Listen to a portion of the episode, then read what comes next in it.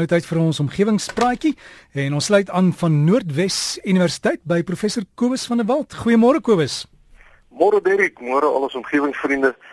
Ja nee, ons kry lekker warm hier in Suid-Afrika, maar dis nou nie net ons wat warm kry nie, daar heers tans ook 'n intense hittegolf oor die ooskus van Australië. En daar is 'n totale verbod op enige vure in Sydney vir hierdie naweek en volgende week en ook oor groot dele van uh, Nieu-Suid-Wales. Nou hierdie hittegolf uh, by hulle gaan ook nog vir 'n paar dae voortduur. Uh, maar anders as hier by ons daaglikse temperature daar in Australië van hoër as 45 grade Celsius word verwag oor die sentrale en oostelike dele van uh, van Australië. Uh so dis Appington wat wat hou uitbrei amper na ons hele land toe. En net vir interessantheid, Dirk, die hoogste temperatuur wat in mense jeugennis op aarde gemeet is, is op 13 September 1922 gemeet in Libië toe die kook tot by 'n allemintige 57,7 grade Celsius gestyg het. En dit is warm. Hier by ons in Suid-Afrika is die hoogste temperatuur ooit gemeet uh, in die Sondagsriviervallei in die Oos-Kaap uh, in 1918 toe die kook op 50 grade Celsius gaan draai het. En dan die plek hier by ons in Suid-Afrika waar dit gemiddeld die warmste is, is Letaba in die Kruger Wildtuin met 'n gemiddelde maksimum daaglikse temperatuur van 35 grade Celsius. Maar die groot gevaar is natuurlik as daar sterk winde saam met die hittegolf toestande voorkom, dan die warmte droog die plante groei vinnig uit en as daar dan 'n veldbrand ontstaan en die wind waai ook nog sterk, dan is dit bykans onmoontlik om hom te keer. En dis waarom ons weer weer 'n waarskuwing uitreik uh, gedurende sulke toestande teen weggolf veldbrande en tans is daar so 'n waarskuwing uh, oor 'n groot deel van ons land. So as u enigstens wil vuur maak vir braaivleis of die mense wat rook, wees asseblief uitermate versigtig sodat jy nie dalk reuse skade veroorsaak of selfs mense hulle lewens kan kos nie. Maar goed, uh, ek wil graag so 'n brief of wat ook behandel vanoggend. Die eerste onderwerp gaan oor waterbesparing en meneer Hoffier sou sê dat hy 'n oulike plan gemaak het met sy swembadwater. Baie water gaan verlore wanneer mense die filter moet was en terugspoel. In Engels staan dit nou bekend as die backwash. En hierdie water bevat chemikalieë wat nou nie goed is vir plante nie. So mense kan dit nou nie altyd sommer op jou grasperk of op in die in die blombeddings laat uitloop nie. Maar wanneer 'n soue toe 500 liter tank geïnstalleer en al die vuil terugspoelwater word dan in die tank ingepomp. En hy sê die water is dan nou in die tank aanvanklik baie troebel, maar na 'n paar dae is dit glashelder want die vuil goed sak af. Uh en dan laat mens hierdie helder water eenvoudig terugloop in die swembad in. En hierdie skoon water is natuurlik nog steeds vol van die swembad chemikalieë. So mens spaar nou nie net water nie, maar ook so 'n bietjie suur en kloor ook in die proses. En hy sê hy hoef die tank maar net eintlik so een keer 'n jaar behoorlik skoon te maak. Uh maar die water wat dan nou gedurende die seisoen gespaar word is aansienlik. Baie dankie meneer Hoffiere vir daardie oulike plan. En ek wil sommer uh, terwyl ek nou oor swembaddens praat, die voordele van 'n swembad seil ook in dieselfde asem noem. Want gedurende die somermaande hier by ons kan daar in die warmer dele van ons land tot 3000 mm water per jaar verdamp van oop wateroppervlakke af. Wat beteken dat daar van uit 'n swembad van 3 meter wyd en 5 meter lank tot soveel as 45000 liter water per jaar kan verdamp. Nou ek het 'n seillat maak wat lekker stewig oor ons swembad pas en benewens die voorkoming van onnodige waterverlies en verdamping, span ek eenvoudig my swembad toe in die wintermaande en ek sit die pomp heeltemal af. En dit is dan ook nie nodig om enige chemikalieë by te voeg nie. Met ander woorde, die swembad kos my net mooi niks in die winter nie.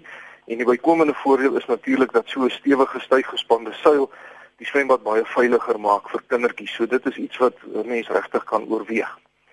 En dan Dirk wil ek graag afsluit met 'n tweede brief. Dit kom van meneer Rocco de Villiers van Ilardus Park en hy vra hoeveel keer water gesuiwer kan word. Hy sê hy het iewers gehoor dat 'n mens water 16 keer kan suiwer vir hergebruik, maar daarna is die water dan onbruikbaar. Nou baie dankie meneer De Villiers vir daardie vraag. En dit is so dat die hergebruik van water deur ons nasionale waterwet voorgeskryf word. Maar natuurlik moet die water dan telkens gesuiwer word voordat die volgende persoon of instansie dit dan nou weer kan gebruik. Nou om by die vraag te kom, as mens na water kyk, dan is water slegs H2O. Met ander woorde, dis 'n vloeistof van miljoene molekules wat elkeen slegs uit twee waterstofatome en een suurstofatoom bestaan. Dit is suiwer H2O. Maar in die natuur is daar nou 'n klomp mineraalsoute ook in die water opgelos wat van die gesteentes af oplos en op sekere plekke kry mens ook klein konsentrasies metale in die water. En benewens dit natuurlik is daar ook 'n sweterjoel lewendige organismes in water. So dit was wat ons nou as suiwer water beskryf soos byvoorbeeld nou in 'n silwer skoon bergstroompie sê nou maar daar in Golden Gate. Dit is alles behalwe suiwer H2O, want in die H2O is daar 'n hele klomp ander goed ook. So as jy nou water uit daai helder bergstroompie drink, dan is die kans baie goed dat jy 'n klompie soutte en ook 'n hele klomp mikroskopiese diertjies saam met daardie heerlike vars bergwater insluk. So daarom neem ons mense nou gewoonlik natuurlike water uit riviere of damme en ons suiwer dit voordat ons dit in ons huise gebruik. En as ons dit nou klaar gebruik het, dan word dit weer eers behandel in 'n rioolplaas voordat dit dan nou uh, toegelaat word om terug te loop in die rivier in sodat die volgende persoon stroom af daai selfe water weer kan gebruik. Maar natuurlik moet daardie volgende persoon of die dorp stroom af dan ook eers die water nou weer suiwer en so herhaal die proses homself dan. Nou om by meneer De Villiers se vraag te kom oor hoeveel keer water dan gesuiwer kan word, dan is die antwoord dat 'n mens hierdie proses oneindige kere kan herhaal, want dit maak nie saak wat se gemors in die water beland nie. As jy daardie steurstowwe uitgehaal het, dan sit jy maar weer net met suiwer H2O. Maar die probleem is nou dat dit progressief duurder word om water te suiwer hoe vuiler dit is. En daar is sekere stowwe wat nou nie deur die tradisionele suiweringsaanlegte van munisipaliteite uitgehaal word nie. En dan moet mens energie-intensiewe metodes gebruik, soos byvoorbeeld triosmose, uh en dit kan baie duur wees. En dit is dan natuurlik ook as mens uh, met ontsoutingsaanlegte werk wat jy nou seewater wil suiwer, is dit die probleem, dit is energie-intensiewe metodes om al daardie soutte uit die water uit te kry. En dis natuurlik hierdie rede wat dit noodsaaklik maak dat alle rioolaanlegte in Suid-Afrika behoorlik moet werk. Want as daardie water nie mooi skoon gemaak word nadat mense dit nou gebruik het nie en uh, dit word bloot in die rivier ingepomp, dan is dit die stroomafpersoon of die stroomafdorp se probleem. En uh, dit is ons probleem as die uh, die aanlegte nie oordentlik werk nie. Maar mens kan water oor en oor en oor skoon maak en oor en oor gebruik. Omgewingsvriende, dis alwaar waarvoor daar vanoggend tyd is skryf gerus vir my by kobus.vanderwalt by nwu.ac.za of besoek omgewingspraatjies se Facebookblad. En daarmee wens ek almal 'n heerlike Saterdag toe. Vriendelike groete tot 'n volgende keer. So gesels professor Kobus van der Walt Noordwes Universiteit. Epos kobus.vanderwalt by nwu.ac.za.